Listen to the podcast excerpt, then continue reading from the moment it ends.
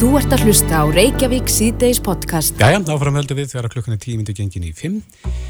Aðeins af fréttum vikunar. Mm. Einn frétt sem að hefur vætið mikla aðdeglu og hefur verið einn mest lesna fréttin í vikunni er, eru fréttunum þessa peningagjafir e, á þriðja hundrað miljóna sem að þrjár konu fengu að gjöf. Mm -hmm. Svo sem fekk nú mest, fekk hún ekki um 130 miljónir eitthvað þar um bil. Eitthvað svo leiðist, þetta voru uh, peningagjafir frá erlendum auðkýfingi. Já, og sem að voru á skattframtali talda fram sem skuld, þessi peningur. Mm. En uh, hér að saksóknari hefur ákveðið að ákjæra fyrir þetta og, og konurnar ósáta við það, þar sem að það eru búin að greiða upp sína skuld.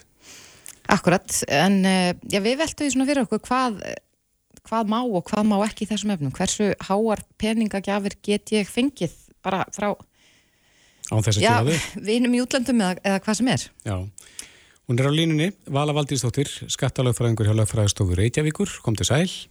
Já, komið sæl. Já, Hvar litja þessi mörg? Hvena, hvað má maður fá mikið pening á þess að gefa hann upp? Já, sko megireglum er svo ef við bara fara, fara í hérna megireglunar þá er í rauninni þannig að það eru, það er telst allt í skattskildra tekna mm -hmm.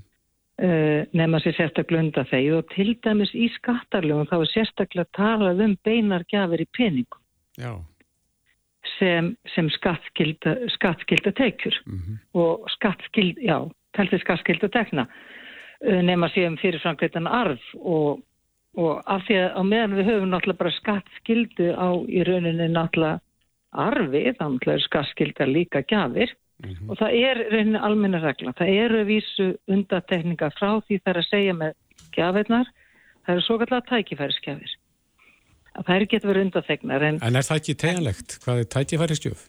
Nei, ég, ég held, sko, uh, þetta fennur ekki alveg eftir því hvort þú finnur til í veskinu eða ekki, en, en svona tækifærisgjafi við eitthvað tækifæri. Mm -hmm jólagjafir, það getur verið ölladiskerðingu, það getur líka til uh, nákominu, það getur líka verið án tilistið að skorta einhver nákominu ekki, það getur verið starfsamælisgjafir, jólagjafir, ammælisgjafir, eitthvað slíkt. Mm -hmm. Svo náttúrulega eru náttúrulega fyrirtæki gefa oft gjafir, eins og risnu gjafir, eða eitthvað slíkt, en þetta eru tækifærisgjafir. Við erum ekki að tala um náttúrulega, já, ég held að engum myndi þetta svo fyrra í hug að halda því fram að einhverjar tíu ef ekki hundru miljóna væri tækifærskjöf. En er ekkit haft, það er ekkit svona samengja mittlega ef ég á bara alveg ofbóðslega mikinn pening þá eru kannski tugir miljóna tækifærskjöf af minnihalvu? Nei, það er það ekki og það er rauninni sko að því það er, er, er gefnar út skattmáttreglu hverja ári til dæmis og, og hérna það er ekki neitt í hvorki í, að það er í lögunum tækifærskjöf að það sé undan þeir. Það er ekki sérstaklega að tala meir um það hvað, um, hvað er átt við eða hvaða fjármunir og, og ekki til skattmátunum við hvaða, hvað fjárhæðum miða við. Þeir þýrt að stýra það? það? Já, það, það hefur oft verið gert í öðru löndum en í flestum öðrum löndum og þannig sem bara nágrannlöndum þá er í rauninni ekki skattskilda lengur á gjöfum. Mm. Það er að segja gjöfum án endurgjálf mm -hmm. og, og líka þá er ekki skatlar arfur og það fyrir þá saman í rauninni, arfur, gjafir og það er aftur á móti hérna í Íslandi þá er, þá er við að greiða skatt er það fyrir skatt af, af, af arfi hvað sem það er fyrirfram greitur arfur eða, eða við andlót eða, eða eða, hvort, eða með stærri gjafis og okay, það já. er bara skattskilda einmitt, en alveg ég ætlaði með þetta að spyrja út í það ef, ef þetta er eftir fjármunir, ef þetta er bara hlutir er ykkur mörg þar? Nei það, nei, það, það er, skiptir ekki mál beina gjafir í peningum með öðru verðmættum Nei, þannig að ef ég fæ eh, ekki nema að séu þá tætjafæri stjafir Ekki þegar maður segir tækifæriskjafur og ég heldur svona í flestu tillikum fólk átti að segja hvað tækifæriskjafur er. En eins og ég segja eins og með ellendis eins og þessi svítu þá er ekki skattskilt af gjöfum mm -hmm. en þá þarftu sérstaklega upplýsa um það. En ef ég fæ, ef ég fæ bíl, ef ég fæ bíl í tækifæriskjafur það, bara, það er verðmæti og það er telst til skattskildur tekna almennt. Jáhá. Það er meira regla sko. Akkurat, ég, ég veit nú ekki ég þekki ekki alveg forsendur í þessu tiltekna máli sem að, að, að sko er uppbrettan af þessari umræðu en, en eh, já, ég er nú kona og í kringum mig hafa margar konu sagt frá því að, að þetta er vist ekki alveg óalgengt að já, einhverjir erlendir menn bjóðist þess að gefa peninga þannig að maður þarf allavega að hafa varan á hvað varðar skattin en maður ákveður að þykja slíkt bóð Ég er ekki sínlega alltaf þessi fólk en ég er ekki enga þegar bara einhverja gafir frá einhverju erlendum Erlendi myndan velurinn og þá bara spyrja kannski er þetta eitthvað svindla samfélagsmiðlum en, en bóðin hafa komið til ímis aðila held ég. Já þá náttúrulega einhvern svona spampost út af solislutum en, en, en það er annar máli en, en máli þetta eru reglunar það eru skýðar og eins og mér skilsta þessi fréttaflutningi þá hefur þeir fært þetta sem skuld mm -hmm. í framtali. Já þetta hafi verið lág Já, allt í mjög, já, það hefur fengið þessari lán og, og síðan, eða tekið það lán og síðan bara allt í henni búin að greiða upp fráttur það hefur ekki tekið til þess, ger ég ráð fyrir. Akkurat. Ég veit það ekki. Þannig er svona, en allavegna, reglunar eru mjög skýrar. Já. Það er bara þannig. Já. Já, þá erum við komið með það á reynd og skulum vara okkur á þessum póstum sem myndist það í náðan. Og þessum velunnurum. Þessum velunnurum um víða veröld ef eitthvað er of gott til að vera satt þá er það lígi. Akkurat. Já, nema, nema fólk fái bara hreinlega yfir 100 miljónir inn á reikningin sinn, það er, það er þá spurning. Já, já, já. Já, já, herðu, Vala Valdísdóttir, skattalagfræðingur hjá Lagfræðistofur Reykjavíkur, hlæra þakki fyrir þetta. Já, það var lítið. Bless, bless. Takk, bless. Þú ert að hlusta á Reykjavík C-Days podcast. Já, já, við höldum áfram í Reykjavík City og ætlum núna að tala um uh, málefni barna hér á Íslandi. Mm -hmm. Þau hafi verið mikið til umræðu svona frá mismunandi uh, sjónarhortnum undan farna daga. Já. Viðtal uh, við Þorgrim Þráhansson í bítinu hér á bylgjunni í síðustu viku vakti gríðarlega mikla aðtegli mm -hmm. og umtal. Ég held að þetta viðtal hafi líka leitt það af sér að við erum farin að tala hærra og meira um, um mm, þetta. Þetta hreyfiði við mörgum. Já, og svo auðvitað var þetta atvik eh, við breyðagerðskóla þar sem að, að, að eh, ungir drengir kostuðu stíplauði mm. framann í stúlku um, og þessu umræðum samfélagsmiðlana og ég geti lengi talið upp uh, málefnum barna sem að hafa verið umræðinni. Mm. En til þess að reyna að, aðeins að varpa ljósi á þetta er hann mættur yngar til, til okkar ásmundur Einar Daðarsson, menta og barnamálur á þeirra. Blessa og sæl. Sælverði. Já, Ásmundur, þetta er nú, eh, heyrir undir þitt ráðunetti, barnamálinn og, og, og við höfum nú áður rætt við þið og þú hefur verið mjög, þeir hefur verið heitt í hamsi og mikla ástriði fyrir því að gera eh, bara betur fyrir börninlandinu. Hvernig slæra það að heyra svona fréttir eins og til dæmis af já, þessu myndbandi og, og þessum samfélagsmiðlum þar sem erum að kasta eh, stíplöði fram nefnir börn? Þetta er náttúrulega bara... Uh ekki bara, bara skjálfilega fréttir og, og hérna og svona uh, sorglegt uh, og bara segja það að ég fagna þessar umræði sem að verið hefur uh, síðustu daga uh, í þettinum hjá ykkur og, og því sem að uh, hefur verið að koma þeim sem hafa verið að leggja þar orði í belg og gett sagt að jafnvel þó menn hafa verið að segja og gaggrina herðu aðeins þetta er nú ekki svona einfalt og þá skoða þessa þætti og þá sem mér finnst mér þetta endur speglast svolítið stert í umræðinu að að það sem að í rauninni uh, uh, við þurfum að gera í auknum mæl og höfum verið að gera og ég ætla kannski að fara aðeins yfir hérna og eftir er að við þurfum að nálgast verkefnið uh, það er stundum talað um að það þurfur þorp til aðlupann og, og það er kannski klísja en það er svolítið raunveruleikin og, og ég fullir í það að þegar maður uh, hittir fjölskyldur og foreldra landsins og rannsóknir sín okkur það að, að lang, lang, lang, lang stærstur hluti foreldra er að gera alveg bara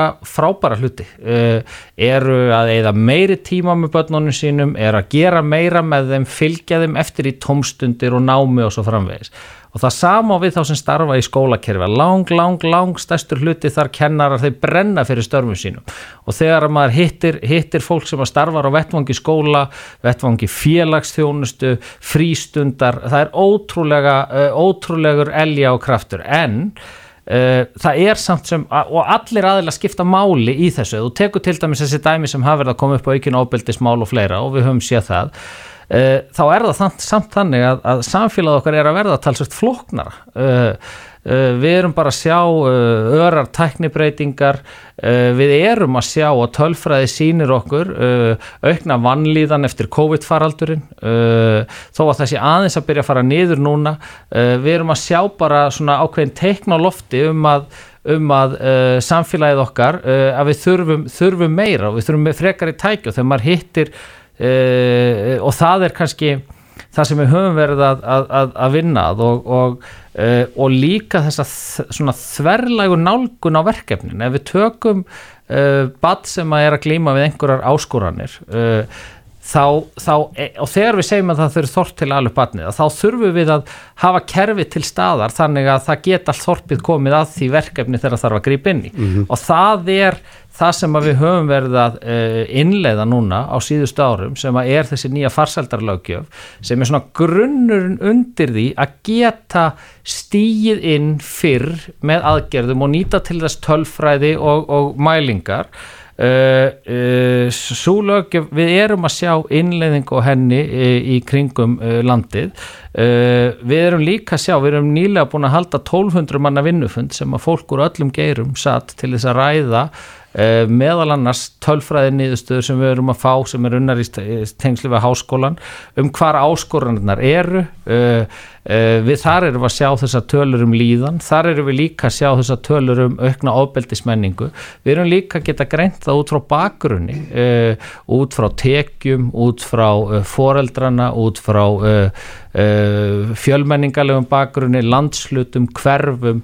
Og með þetta leiðalós erum við núna á grunni á grunni hérna uh, á grunni þessara nýju laga erum við að byrja að ná síðan að skipulegja yngripp uh, sem að uh, eiga geta ná þessari tölfræði niður mm -hmm. og ég veit þetta hljómar óbáslega svona bjúrokratist og tæknilegt og, og annað slíkt en það er flókið að ætla að búa til þessa hugsun að grýpa fyrr inn vegna þess að hvaða verkfæri hefur kennari til að mynda í skóla til þess að grýpa fyrr inn í þegar að ofbeldi kannski gerist ekki einu svona í skólan uh, uh, uh, kennararnir kalla mjög stíft eftir við viljum líka fá aukinn tæki og tól og, og tækin og tólin eru kannski í öðru kerfum og við höfum ekki verið með manngangi til að tala saman þarna á milli. Hvaða tæki og tól eru það? Já það eru, bara, já, það eru bara fjölþætt, nú erum við til dæmis í, í vinnu við það og erum, komið, erum með fjármag sem við erum að undirbúa til inngripa fyrir í ofbeldismálin. Uh, það er að segja þetta, þessi aukni ofbeldismál það sem er að verða það sem að börn eru uh,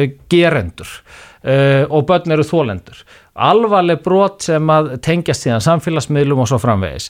Uh, og bara brot af því er að koma í umræðuna í samfélagsmiðlum og, og öðru slíku.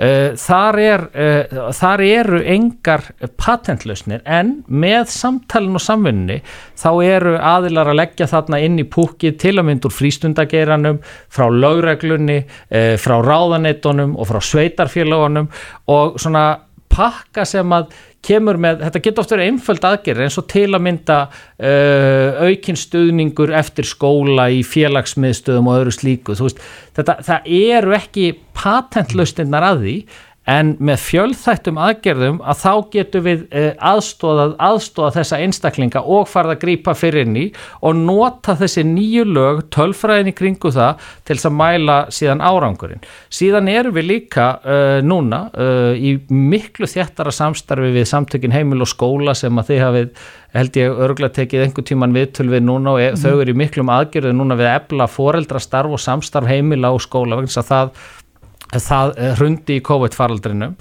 Við erum líka með í undirbúningi sem hluta af þessu uh, foreldrafærni námskeið sem að ráðanettið í samstarfi við Háskóli Íslands er að undirbúa sem er hugsunin að, að eh, verði prófað í nokkrum leik og grunnskólum núna uh, Uh, ég held að það er að gerast núni í, í, í vetur eða byrju næsta, næsta árs vegna þess, að, vegna þess að við þurfum líka að gefa fóreldrann tækin og tólinn til þess að ég menna, ég var ekkert þú veist, við erum ekkert endilega við verðum ekki góðið við að vera fóreldrar bara sjálfkraf Nei, það er stundu verið að tala en það sko, maður, maður fyrir að kolpa námski þegar maður fyrir hund sko, en, en, en það er ekkert slíkt þegar að og, maður verður fóreldri og, og þetta er, skiljur, það er svona yngripp uh, sem að, sem að hérna, uh, við þurfum að grípa inn í, við erum líka undir... Viltu þá skilda fóreldra á eitthvað námstíð?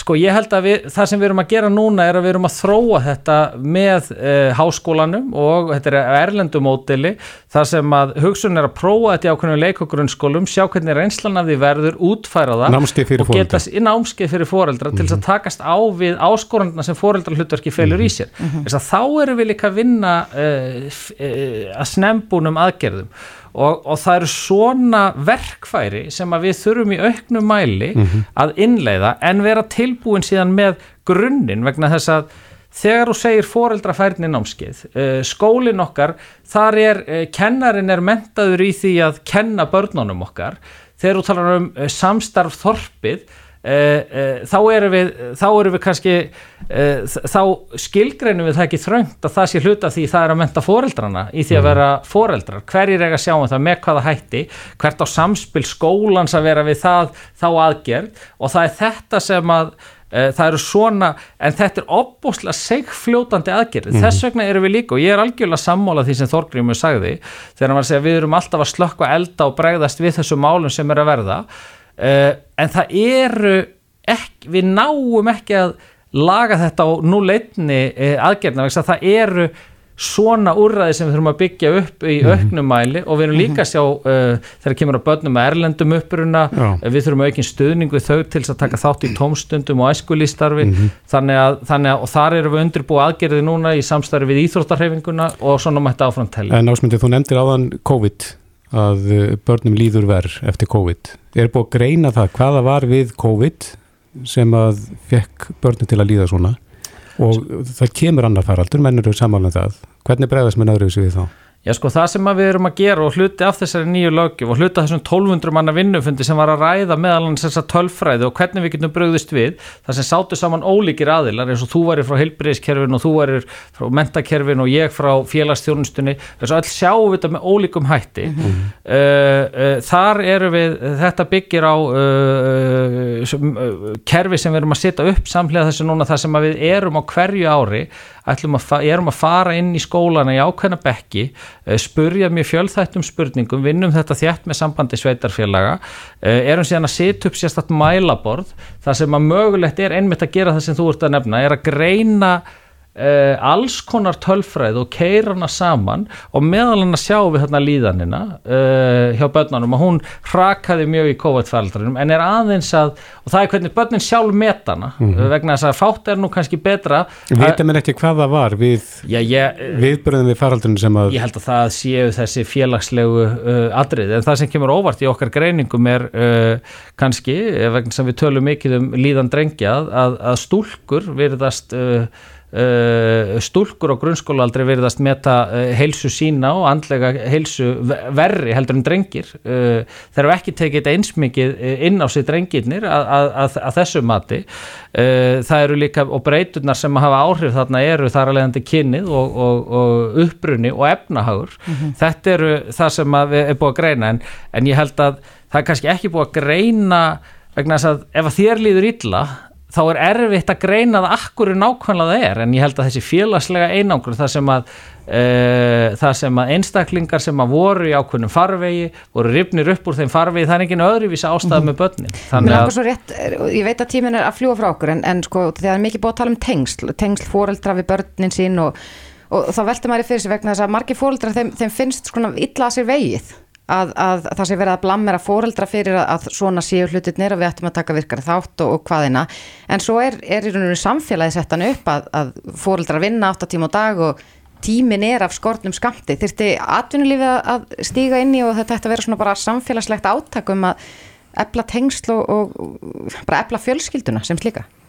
Já, ég held að, sko, ég held að félagslega, um, þetta mannlega í okkur sem við þurfum öll svo óbúsla mikið á að halda, við þurfum að ebla það og það er hagur allra að gera það.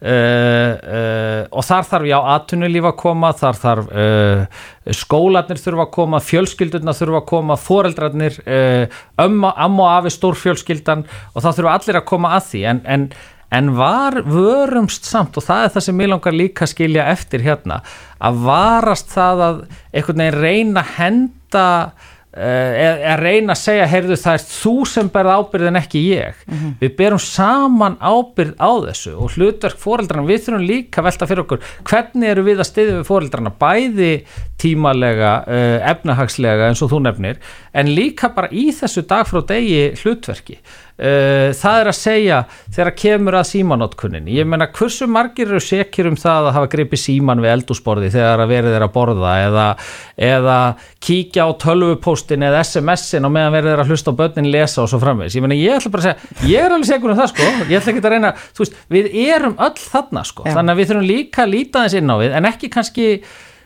benda bara á einhvern annan. Og það sama á við um skólan hversu, hérna, veist, skólin er líka glíma við þessar áskoranir sem að þarna eru. Og, og, og samveila þurfum við að vinna áfram. En, en líkil atrið er það að nota tölfræðina e, vera tilbúin til e, að byggja upp úræði og svo þurfum við að taka fjárhagslegu umræðina, það er að vera tilbúin til að fjárfesta í þessum snemtæku inngripum. Og það, það eru við undirbúa núna meðal annars uh, varðandi börna verlendum uppruna uh, varðandi nýtópin sem ekki er í framhaldsskóla og ekki, ekki í skóla og ekki vinnu í óbeldismálunum núna en uh, vera tilbúin að mæla tölfræðilegan árangur af því. Og þetta eru svona og það er svona næsti fasi í þessar innlegging á þessum farsaldalögum sem við erum að fara að stíga inn í e, núna á næstu mánuðum mm -hmm. og, og, og gefur okkur grunninn undir það er sá að við höfum verið að byrja að byggja upp það að vinna saman og þegar maður fer til dæmis í sveitarfélag sem hafa verið að innlega þessa lögjöf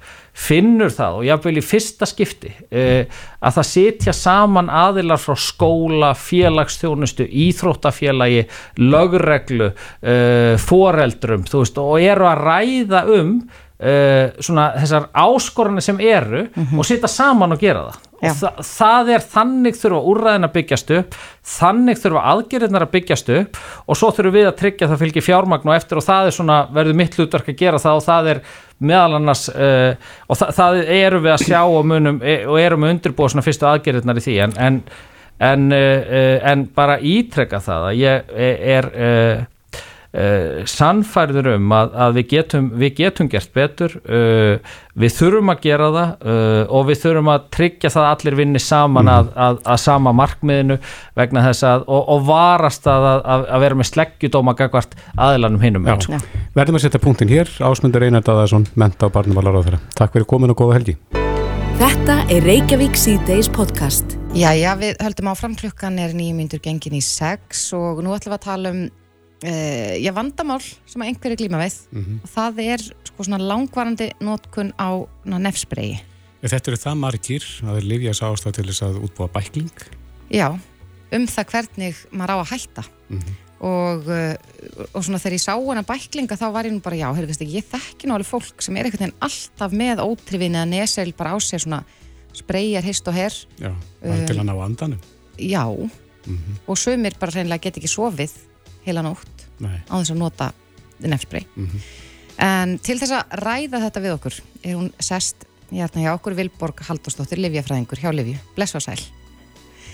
Um, er, er þetta algengt? Er þetta mikið vandamál hjá fólki að, að geta hennilega ekki hægt að nota svona nefnspray?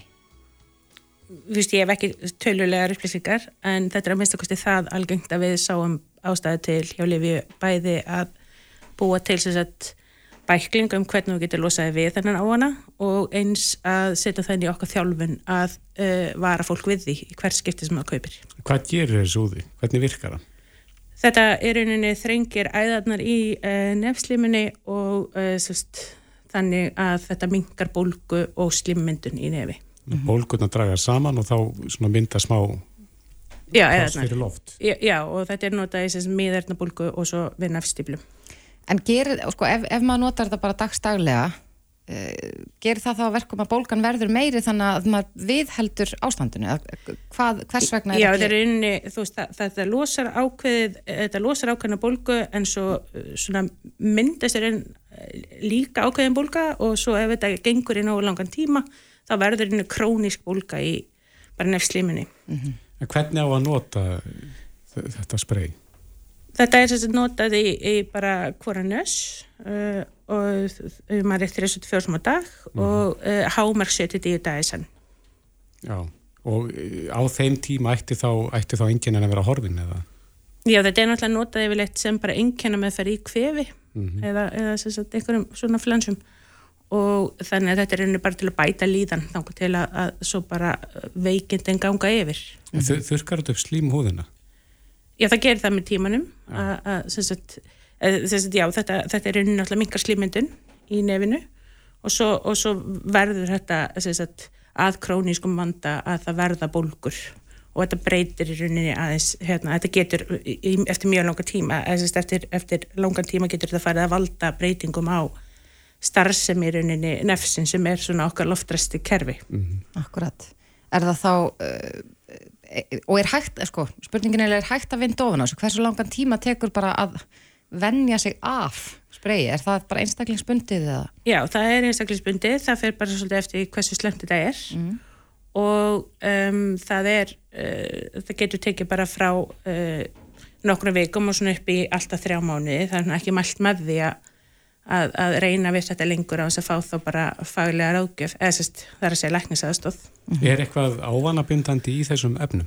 Þetta er ekki ávanabindandi efni líkamlega Nei. en það er rauninni nótkunnar nótkunnin á því sem verður ávanabindandi það er að segja að þú veist, þú myndar ekki líkamlega fík en, mm. en þú myndar þú veist, ávana út frá því að þú ert alltaf stiplaður Akkurat, en í þessum bæklingi sem þið sáu tilöfnum til þess að gefa út vegna þess að, að, að já, þið urðu vör við þetta vandamál þá eru þið reynilega bara með leiðbyrningar eða svona ráðleggingar öllu heldur um það hvernig er best að hætta þessu. Já, ef við verum vör við það sagt, í okkar ákvæmslum að við komandi glýmir við uh, vanda því að verðist þá bjóðum við þessar leiðbyrningar og til að, til að hérna, bjóða fólki leið til að losa sig við þetta. Og hverjir eru leiðbyrningarnar?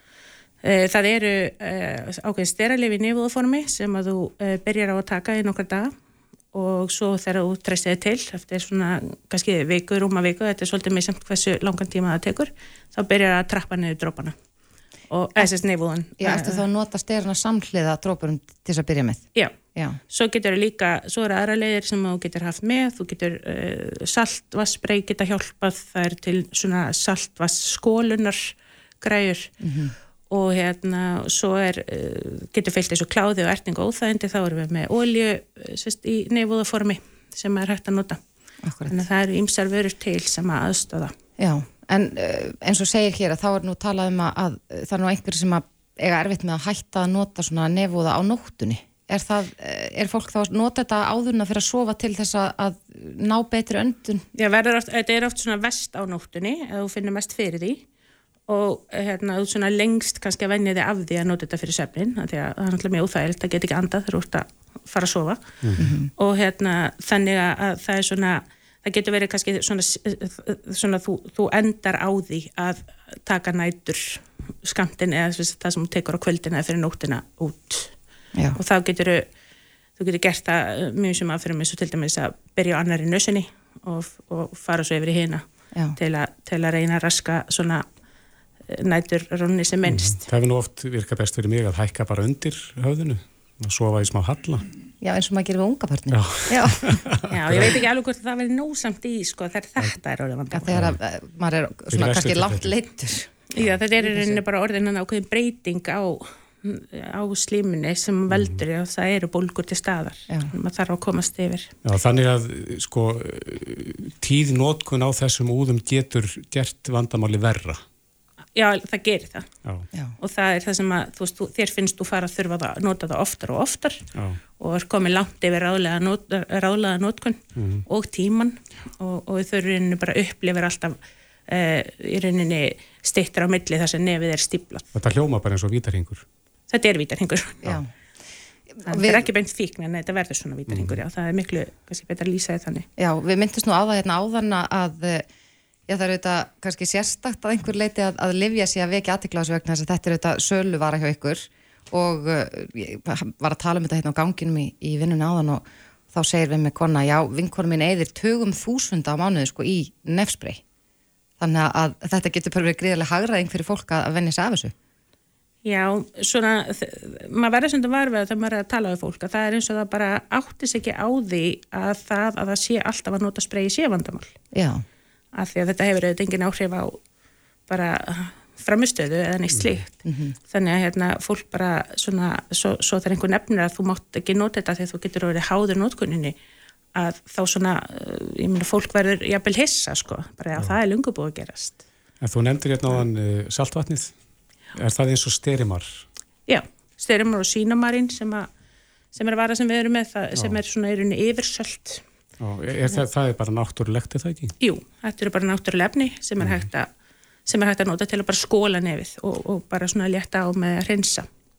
Við vorum að tala um það í gær Þórtís, þegar við nefndum þetta með nefúan, mm -hmm. þú nefndir þá hérna varasalvan. Já. Mér, mér skil, já, ég, ég kannski var nú bara eitthvað jafnvel að semja það, en mér skildist allavega að maður eins og með varasalvið, þú ert sífælt að maka ykkur á varatnar og þá ná, ná varatnar ekki að bara viðhalda ellu rakast í og þá þarftu alltaf að vera notan.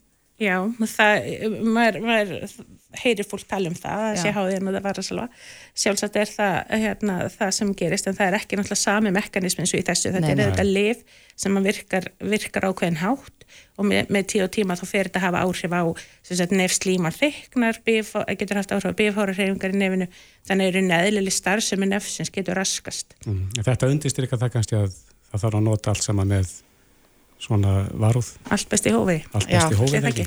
Já. Já, fyrir það sem að glýma við þetta vandamál, þá bara hvetjum við fólk til þess að kynna sér leðinar og, og til þess að vennja sig af þessu. En mm. Vilborg Haldastóttir, Livjafræðingur hjá Livju, kæra þakki fyrir kominu. Þetta er Reykjavík C-Days podcast. Áfram heldur við í Reykjavík C-Days þegar klukkuna vantar réttum 29 mínútur í 6. Fréttageturinn er hér framöndan. Já, glæsinleir vinningar eins og alltaf mm. á fastu dögum.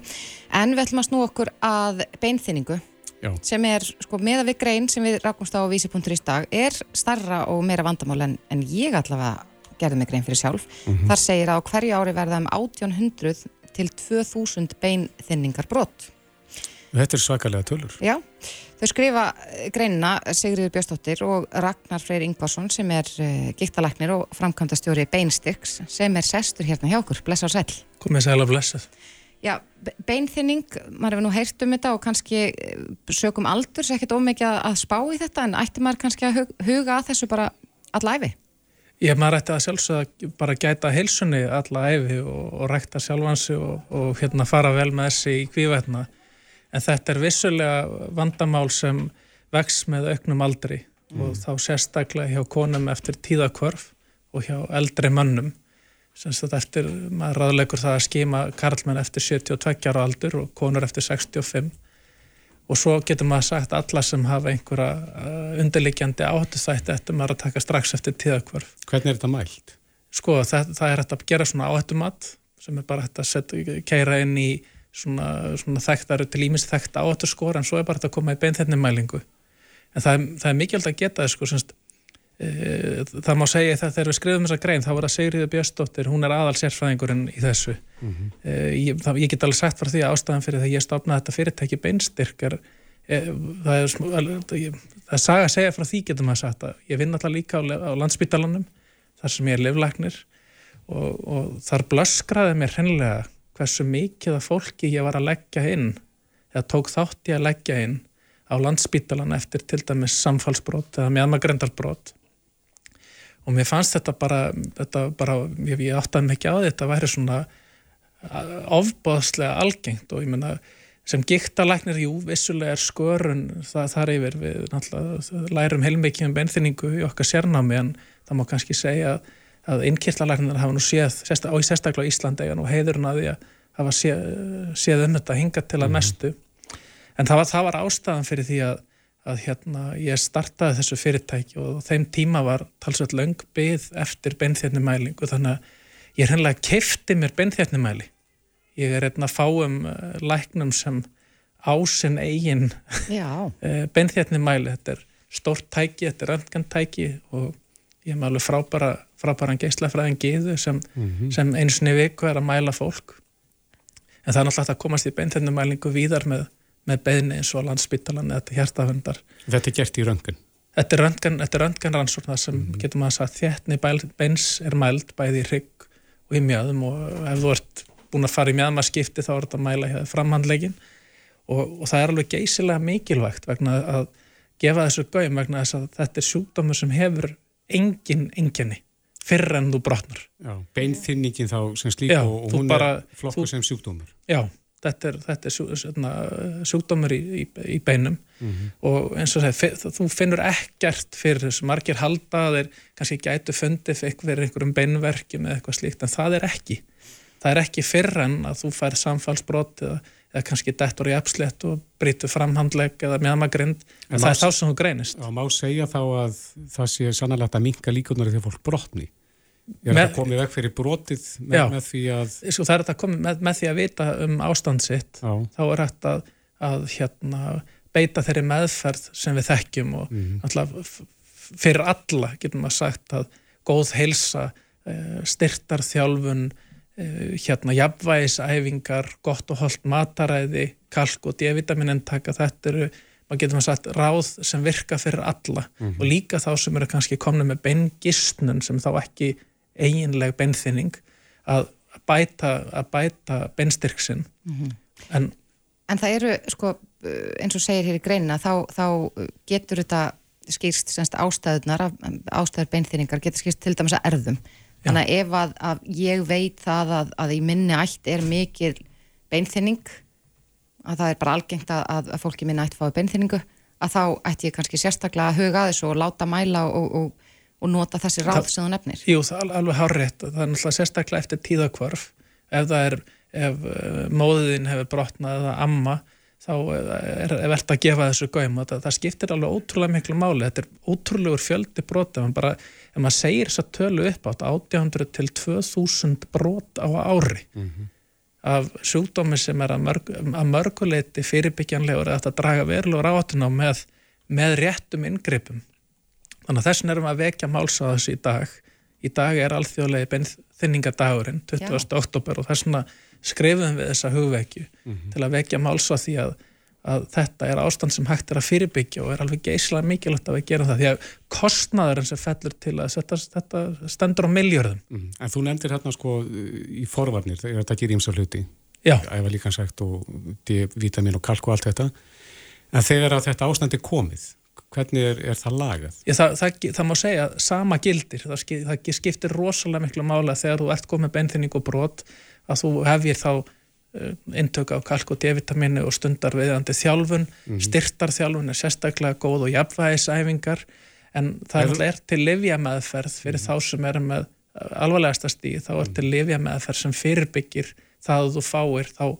næsta brot. Sá sem er komið með beinþýningu og gerir alla þessar hluti sem þú nefnir, hvað er það lengi að ganga tilbaka? Það, já sko, mér finnst hérna myndlíkingin við tré vera ágætt að það tekur tíma að sjá trefaksa og þau, mm. mhm. gera það hægt en þau gera það svo sannarlega þó að þú starir á þau og hérna, þá sér það ekki neitt gerast en á nokkur ára tímabili getur þau dramatíst breytt beina búskapðinum mm -hmm. og, og náttúrulega aðal atrið er að, er að fyrirbyggja fólk brotni aftur mm -hmm. og það, það, það er alveg heilmikið sem hættar að gera bæði þetta almenna sem við öll ættum að taka til okkar en líka þetta sértæka að það að fá læknisaðst og jafnveg lifja með að fyrir að þurfa þykir mm -hmm. en þetta er svona bríning hjá okkur segriði að, að því þetta er þögull sjúkdómur það heyrist ekkert í honum það heyrist ekkert í trjánum vaksa eða rýrna að gefa þessu gauðum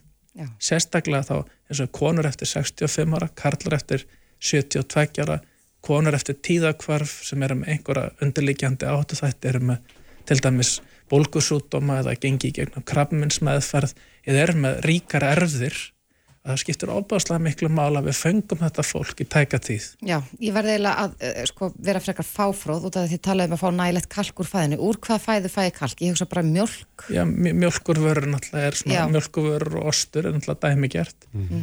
og, og svo def, við búum uh, norðarlega þannig að Það er, Já, það er nöðsulegt að þetta sé saman. Ég heyrði það nú eitthvað starf að sko, D-vitaminni væri nánast eins og leikillin að beininu. Já, það, má, það er ágætt myndlíking, já. já.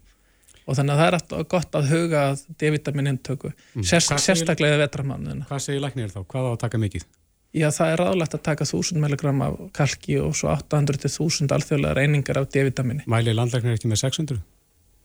Nú, sko verið að veikin, það sem ég er ráðlegt sem að sögur segja allt og látt Já, það sem ég segi mínum sjúklingum er 800-1000 alþjóðlega reyningar Já. og náttúrulega, og ég gerðna mæli þetta hjá mínum sjúklingum og, og bæti þeim þá upp ef þeir eru með skort og þá gerum við það með öðrum hætti þá, þá myndi ég, ég er alveg gerðnan 5000 einingar í þrjá mánu þegar fólk er með alvarlegan D-vitaminskort mm -hmm. og þannig að það, það er breytilegt, þetta er náttúrulega einstaklingsbundi en, en almenna ráleikan að gilda fyrir, fyrir alla. Akkurat. Já, þetta er aðrilsvert og, og eins og segir, þá er þetta kannski ekki íkja flókna ráðleggingar Nei, það er það svo sannlega ekki, já. Óháð því hvort að beinþýring setist aðra ekki. Jú. Ragnar Freyr Ingvarsson, gíktalæknir og, framkvæmtastjóri Beinstyrks. Kæra þakki fyrir komina. Takk kærlega. Reykjavík síðdeis á Bilginni podcast. Nú ætlum ég að segja svolítið sem að ég held ég myndi aldrei segja. Og hvað kemur nú? Ég er gríðarlega spennt að horfa á nýja íslenska mynd sem fjallar um fótbolta. Já. Vegna þess að, að þeir sem þekkja mig vita það að ég hef nánast aldrei hort á fótbolta í lífinu, mm -hmm. eða bara aldrei. En uh, nú er ný íslensk heimildamind sem heitir Heimalegurinn og fjallar um fótbolta. Mm -hmm. Hún var frumsýnd á dögunum og uh, verður held í síðan sínd hér á stöðu 2 þegar framlega stundir. Mm -hmm. En hún er að uh, sópa upp verðlunum hér og hvar og var núna síðast valinn inn á stærstu heimildamöndahátt í bandarækjana og í New York, í New York mm -hmm. akkurat, og er búin að sko hreppa verðlaun á uh, Skjaldborgarháttíðinni íslensku og í Evrópu líka held ég alveg örglega en uh, þetta er mynd sem er svona já þetta er alltaf svona falleg saga. Þetta er ákveð ferðalag. Þetta er ferðalag. Og stjarnamyndarinnar er sestirna hjá okkur. Kári Viðarsson. Akkurat, blessa Já, takk fyrir að fá mig í heimsókn. Þetta átti alls ekki að vera móðgun með að ég myndi uh, horfa á, á sko, fókbóltamynd en það er bara þannig að fókbólt er ekki áhuga mál þetta er, þetta er saga. Já og þetta er eiginlega bara það sem við erum búin að heyra rosalega mikið frá fólki sem er búin að koma á myndina. Og þetta er eiginlega bara besta hrós sem að þessi mynd getur fengið. Það er þegar fólk kemur til okkur og er bara eitthvað að viti það ég þól ekki fókbólta en ég elska þessa mynd. Fyrir, ná... fyrir, já, fyrir þá sem ekki vítum hvað myndin er um hvað fjallar hún? Hún fjallar um uh, mína tilraun til að láta draum pappa minns rætast mm -hmm. draumin hans um viksluleik á grasvellinum á Hellisandi hann sem satt bjóð til grasvell fyrir 28 árum síðan núna sko og ætlaði að reyna víjan með mistraflokksleik uh, setti lið frá Hellisandi í byggarkeppni þeir dróðu útileik og töpuðu honum 10-0 á móti golfklubbi Grindavík og hérna myndin fjallar um það að ég svona ákveð að koma þessum draum aftur í ganga að fá hennan leik mm. Já. Já. Mm -hmm. og við viljum náttúrulega ekki vita eiginlega hvernig þetta fór en þetta, þessi mynd um fjallar svona um ferlið það ekki þegar þið er að stefna því að fá heimaleikin á Hellisandi Jú, þetta er alveg ári okkar lífi hérna í þessu samfélagi eh, sem að þetta þessi mynd fjallar um mm. var á, við vorum heilt ári tökum og byrjar bara þegar ég fæ eins og hugmynd og, og endar síðan þegar við spilum leik. En hvað gerir þú þú fær hugmyndina?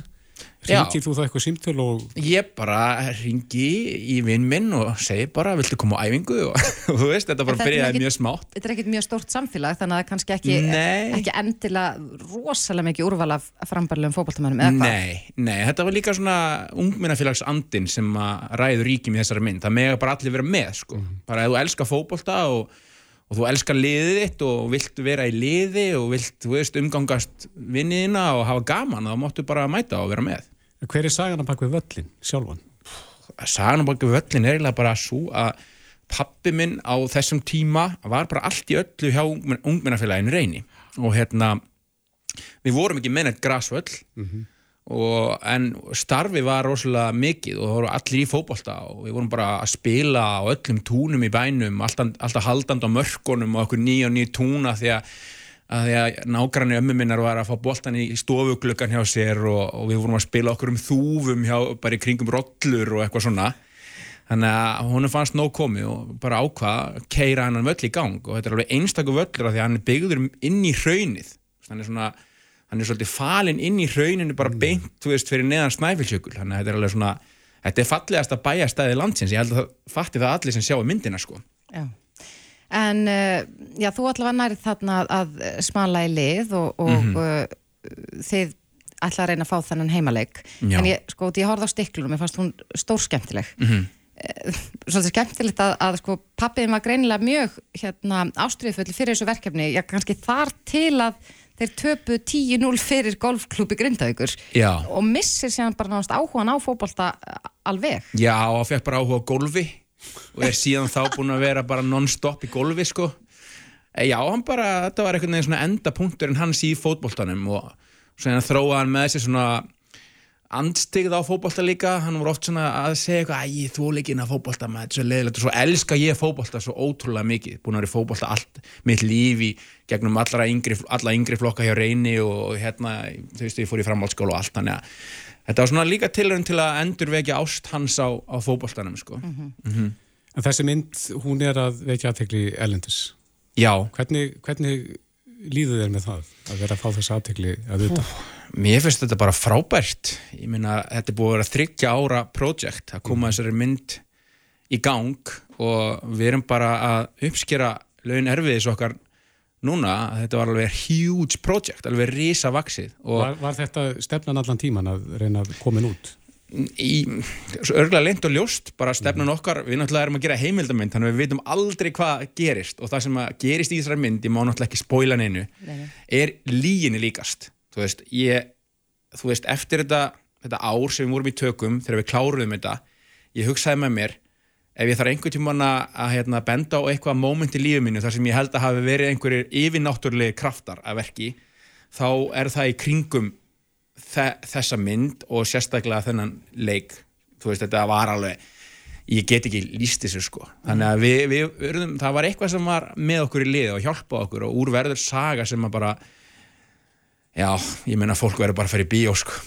En eh, er hún í bíó? Getum að fara á séðana núna? já, hún er í bíó, hún er í smára bíói og það er bara að vera að sína hann alveg að fullu.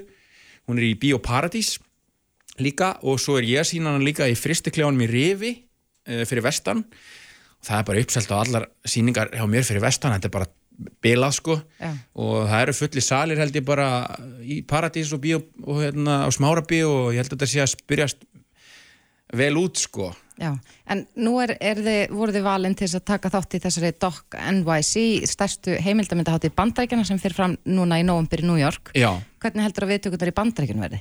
ég held þetta eftir að hitta gjössamni mark í bandaríkjunum þetta er bara þetta er náttúrulega bara Disney. Þetta er bara Disney mynd sko, eiginlega. Þetta er svona Mighty Ducks feelingur bara. Já, Mighty Ducks og Cool Runnings og allt þetta dæmi sko. þetta er, og ég held að kanin eigi alveg eftir að, að fíla þetta í botn. Það er mjög stórt hjarta í þessari mynd. Þetta er mjög einlagt ferðalag sem við förum í, lítið samfélag. Þetta er svona underdog story og, og, og hérna já, ég held að séu bara fleiri skemmtilegir hlutir í farvatninu með þessa mynd, ekki bara þessi hátíð það er bara alls konar í gangi varandi þessa mynd sko. Eitthvað sem getur sagt okkur frá? Ég ekki, get ekki sagt neitt frá nennu fleiri en, hérna, en ég held að sé alveg eitthvað meira að koma sko. Ferð þú út á hátíðina? Já, ég ætla allavega að fara til New York og, uh, og hérna, það er ótrúlega gaman að geta ferðast um heiminn. Ég hef aldrei farið til bandaríkjana þannig að það er bara geggja að geta farið til bandaríkjana og með ykkur að mynd, að sína ykkur að mynd og hafa gaman sko. Og svo unnum við hérna í Svíþjóð líka velunin hérna á Panorama og bara ef hún fer á fleiri hátíð þá ætlum ég að reyna, að hoppa með og, og, hérna, vera með í þessu. Það er alltaf rosalega mikið fjör á þessum hátíðum, víst. Já. Skjaldborg var auðvitað, eh, hérna, var, það, var hún frumsýn þar eða hvað? Já, hún var frumsýnd þar og þá eiginlega áttuðum við okkur fyrst að því hversu mögnu þessi bíómynd er í bíó, sal Já.